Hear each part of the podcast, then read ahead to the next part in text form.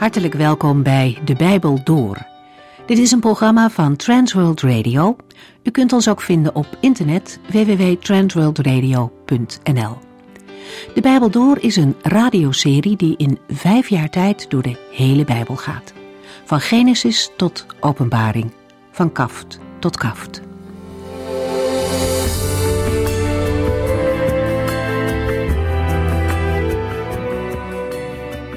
Misschien wilt u meer informatie over deze serie Bijbelstudies. Dan kunt u op internet kijken www.transworldradio.nl Maar u kunt ook tijdens kantooruren bellen.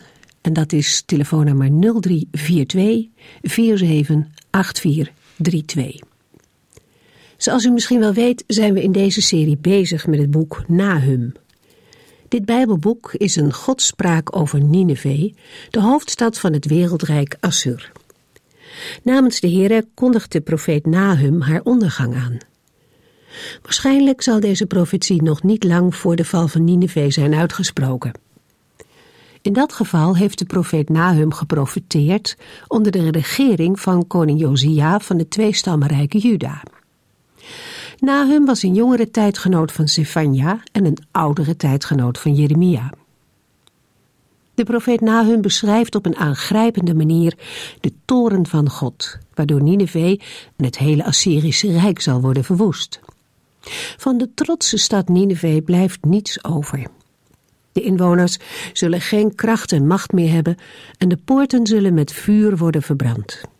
Het zijn vreselijke dingen en die vreselijke dingen gebeuren en de leiders en aanzienlijken zullen gevangen genomen worden. Er zal geen herstel meer mogelijk zijn. De Heere heeft zijn rechtvaardig vonnis geveld. We keken de vorige keer ook naar de indeling van het Bijbelboek. De profetieën van Nahum worden na het opschrift in vers 1 ingeleid door een psalm in de vorm van een agosticon, dat wil zeggen een naamvers.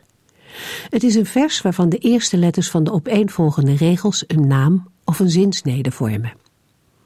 In Nahum vinden we de volgende vertaling. Ik, Yahweh, ben hoog verheven en voor mijn ogen zijn degenen die zich aan u vergrijpen. Dan volgt een beschrijving van de verovering van Nineveh, zoals de profeet die waarschijnlijk zelf in een visioen heeft gezien, en een spotlied op Assyrië en zijn koning. Het derde hoofdstuk van Nahum bevat opnieuw een gedicht over de ondergang van Nineveh. Maar daar zijn we nog niet aan toe. Vandaag lezen we verder vanaf hoofdstuk 1, vers 3.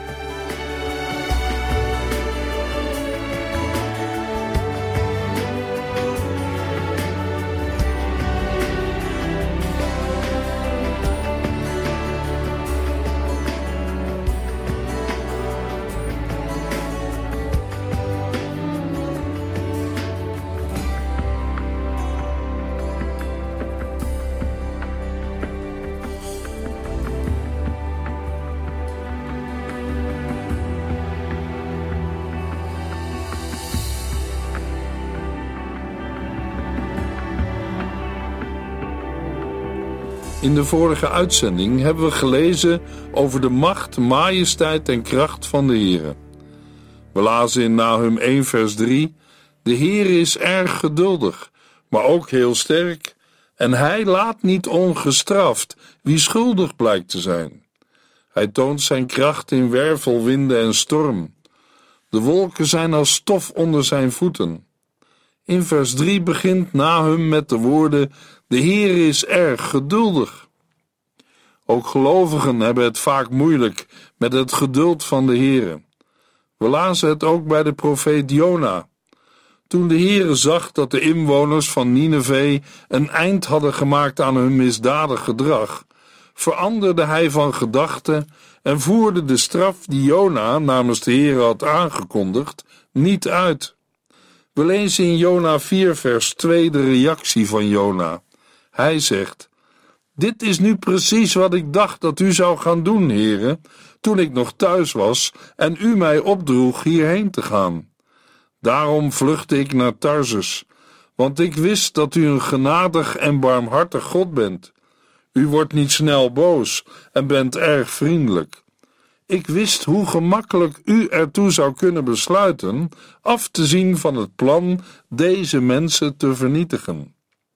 Helaas vergeet Jona erbij te vertellen dat tussen de aankondiging van het oordeel en het genadige besluit van de Heere de bekering van de inwoners van Nineveh ligt. Het geduld van de Heer is zo groot dat hij vaak het oordeel uitstelt en zijn vijanden verdraagt. Maar dat mag niet worden uitgelegd als machteloosheid van God, alsof hij niet sterk genoeg zou zijn. Nahum zegt: De Heer is erg geduldig, maar ook heel sterk, en hij laat niet ongestraft wie schuldig blijkt te zijn. De Heere wacht met de dag van het eindoordeel. Petrus schrijft erover in 2 Petrus 3 vers 3 tot en met 10. Ik wil u er vooral op wijzen dat er in de laatste dagen mensen zullen komen die met alles spotten en alleen maar hun eigen zin doen. Zij zullen schamper opmerken: Er is toch beloofd dat de Christus zou komen? Waar blijft hij dan? Onze voorouders zijn gestorven en er is niets veranderd.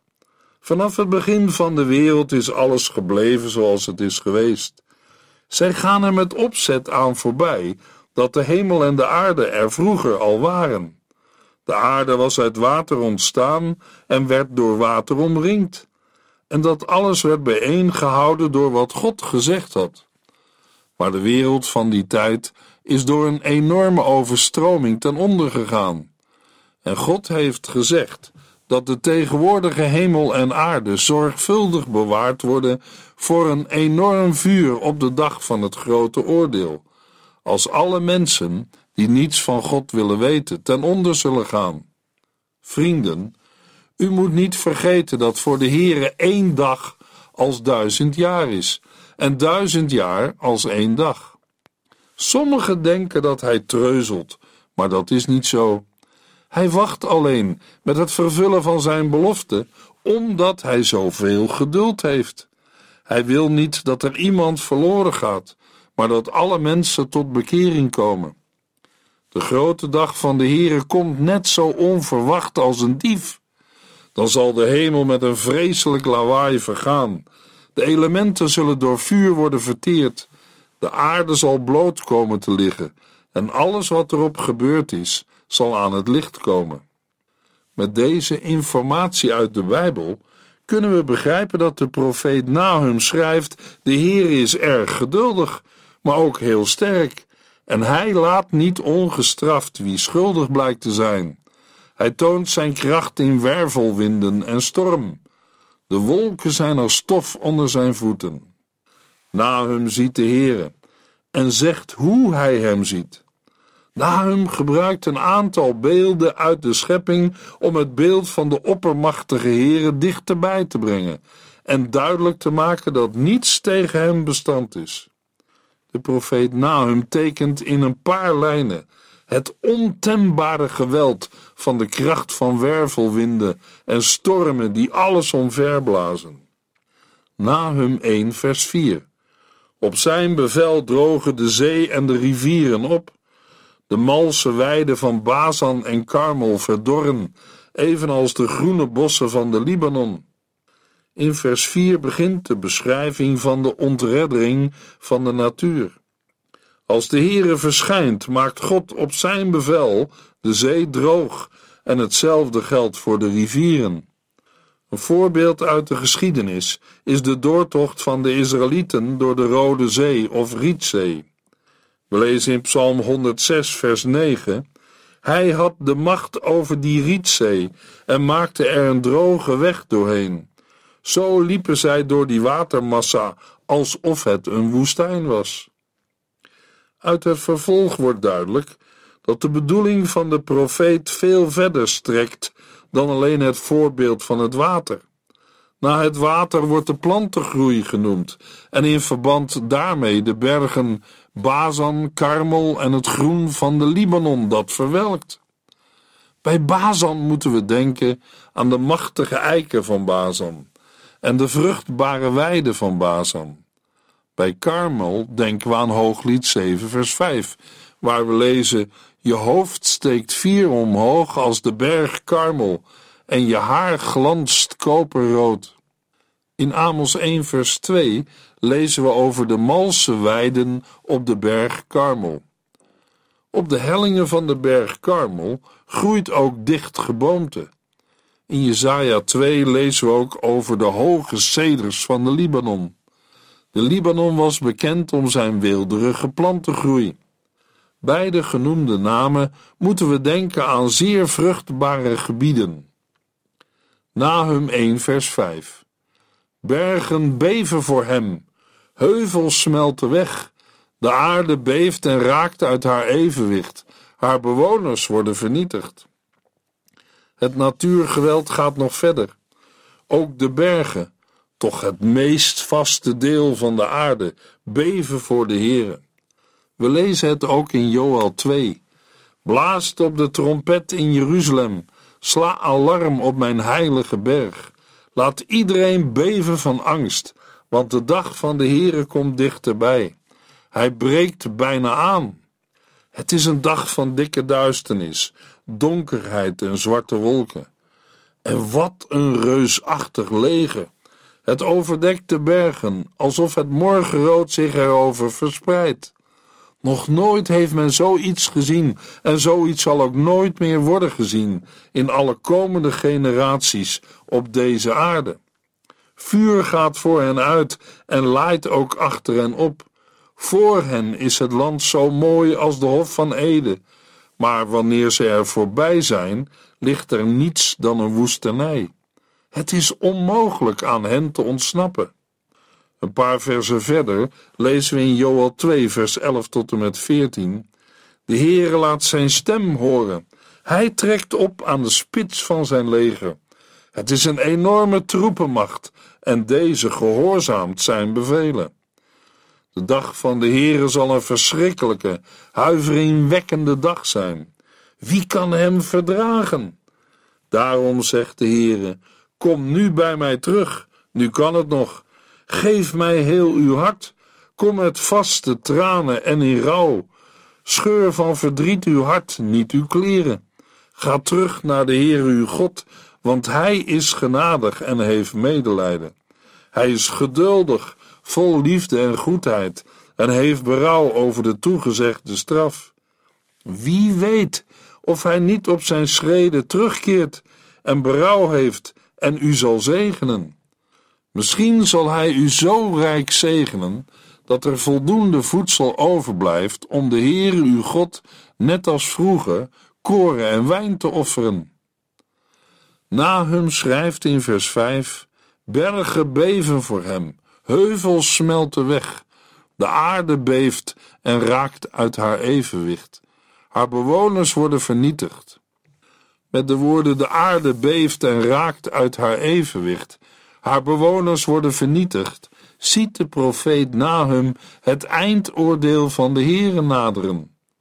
Op veel plaatsen in de Bijbel lezen we gelijksoortige woorden, wel in een eigen context, maar steeds heenwijzend naar het eindgericht van de Heere.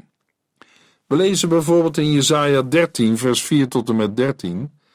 Luister eens naar het rumoer in de bergen.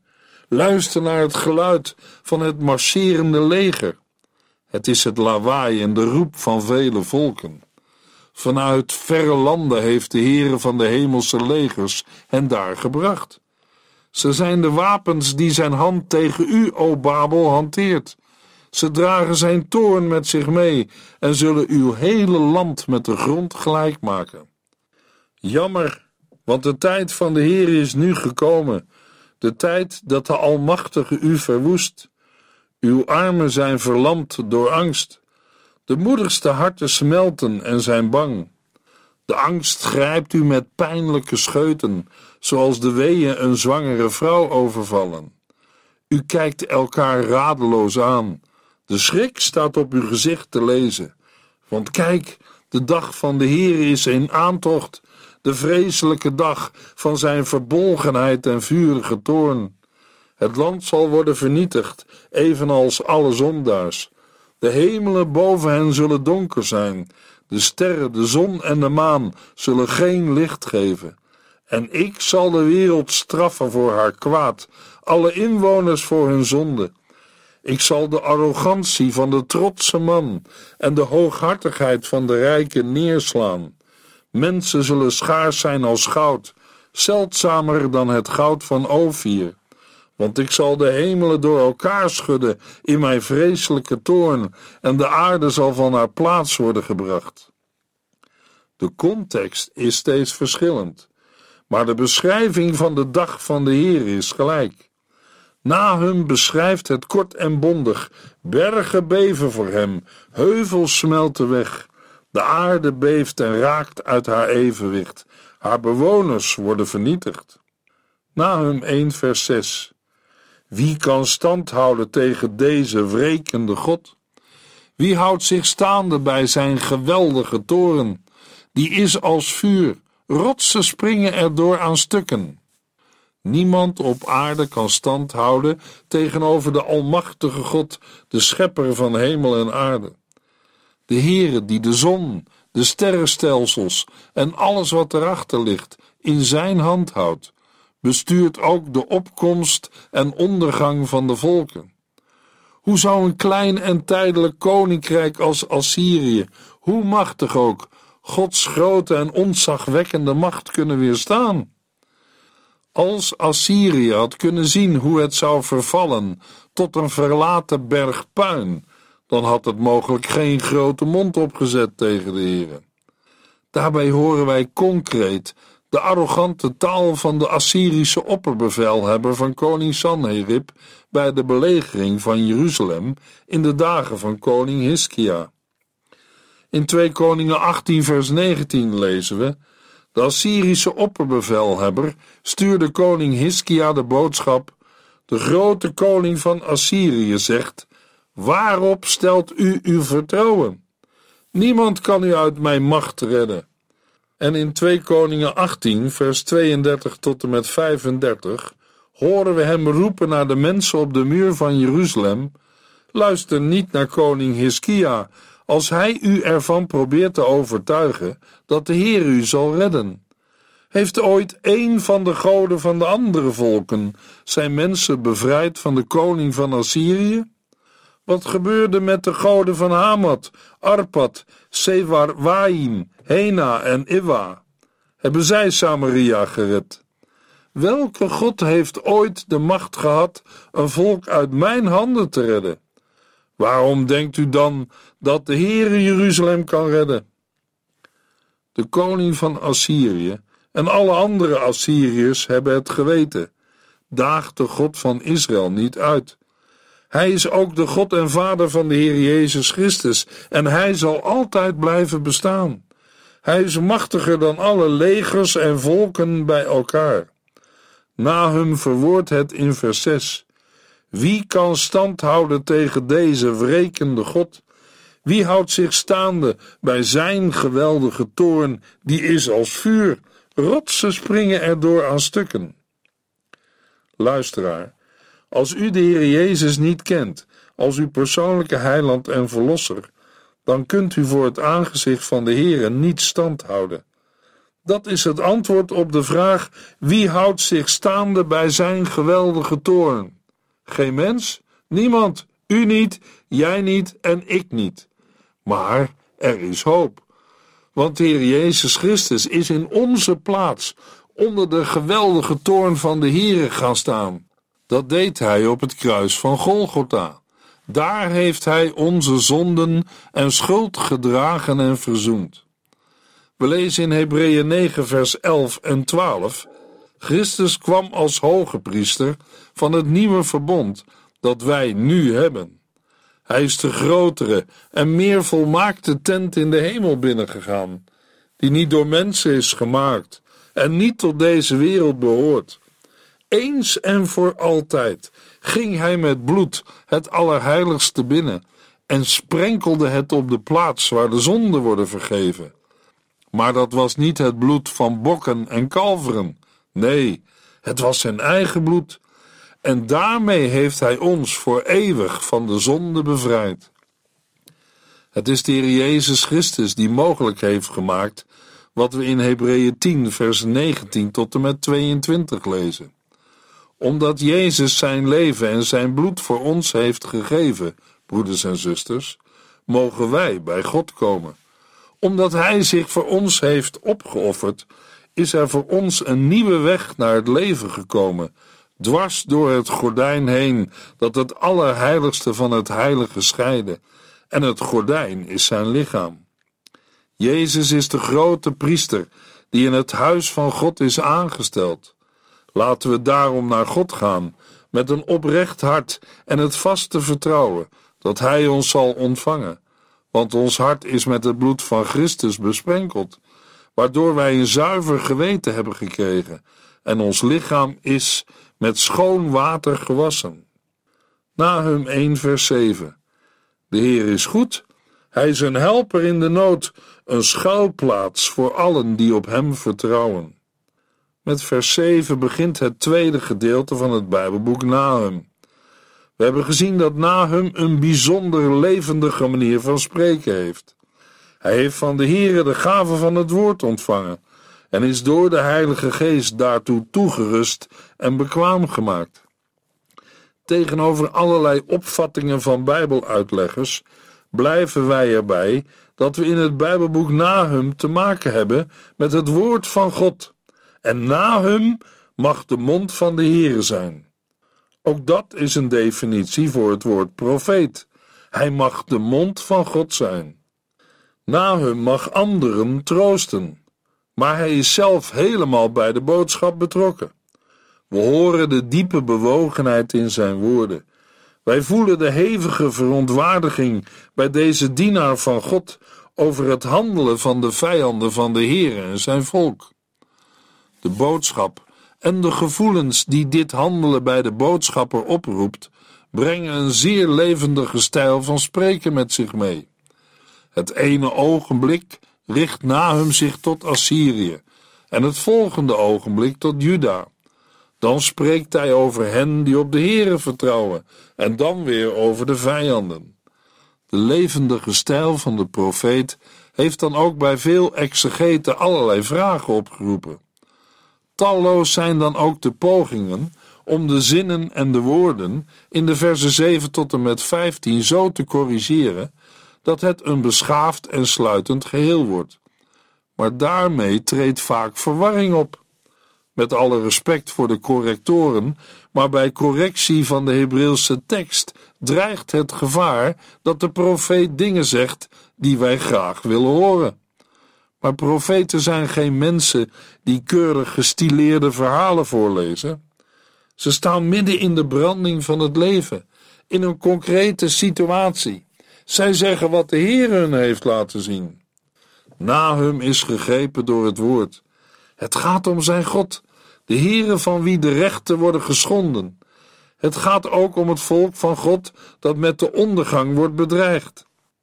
De vorige keer hebben we gezien dat Nahum 1, vers 2 tot en met 8 een psalm vormen.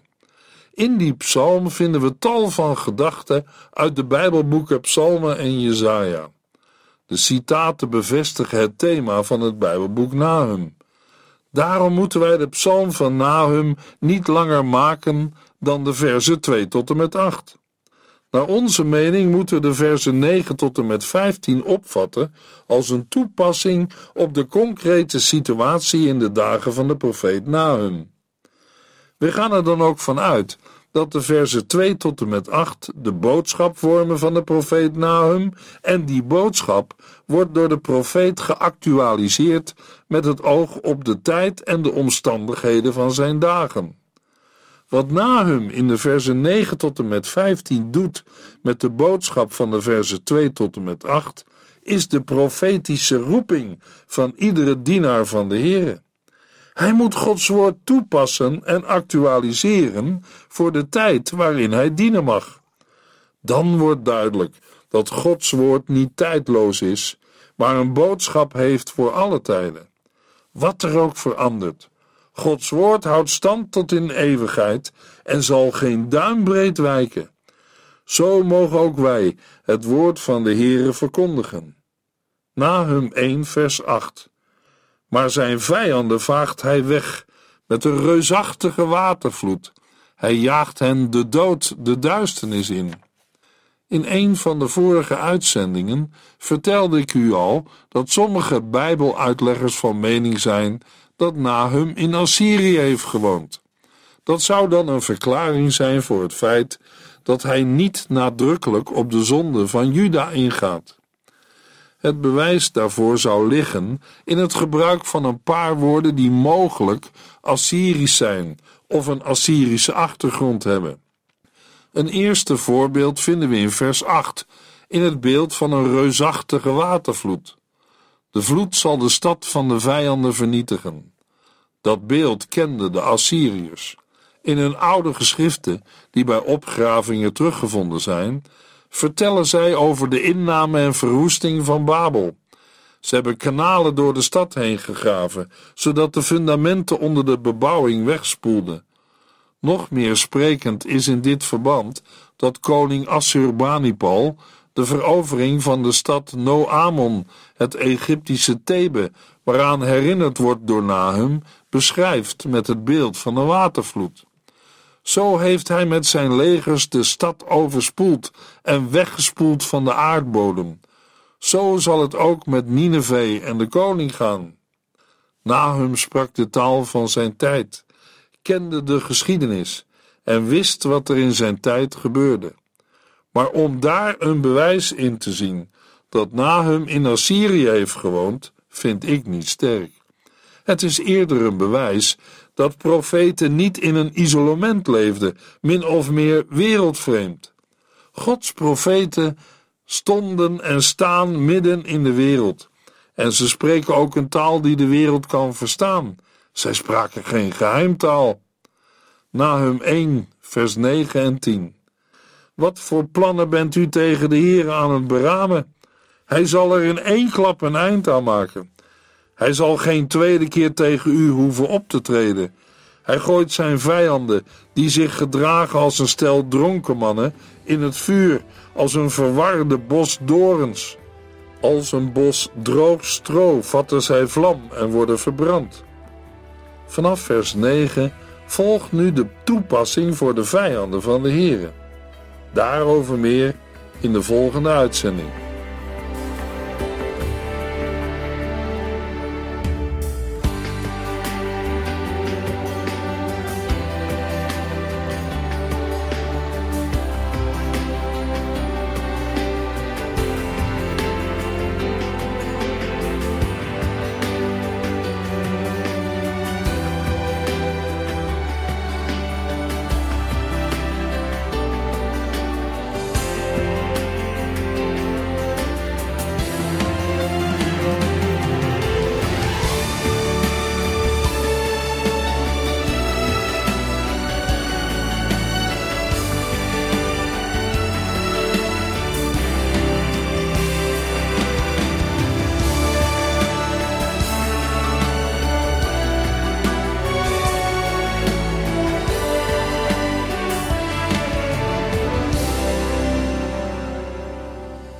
Eindigt deze aflevering van De Bijbel Door. Een serie programma's van Transworld Radio. Wilt u ons iets vragen of meer weten? Dan kunt u altijd contact met ons opnemen. Bellen kan overdag met 0342 478432. Per post Transworld Radio. Postbus 371. Postcode 3770. Anton Johannes in Barneveld. En e-mailen kan ook. De Bijbel door at transworldradio.nl En natuurlijk ook via onze website transworldradio.nl Dit programma werd gepresenteerd door Cor Weda en Ike André. En namens iedereen die er nog meer aan meegewerkt heeft, graag tot de volgende keer.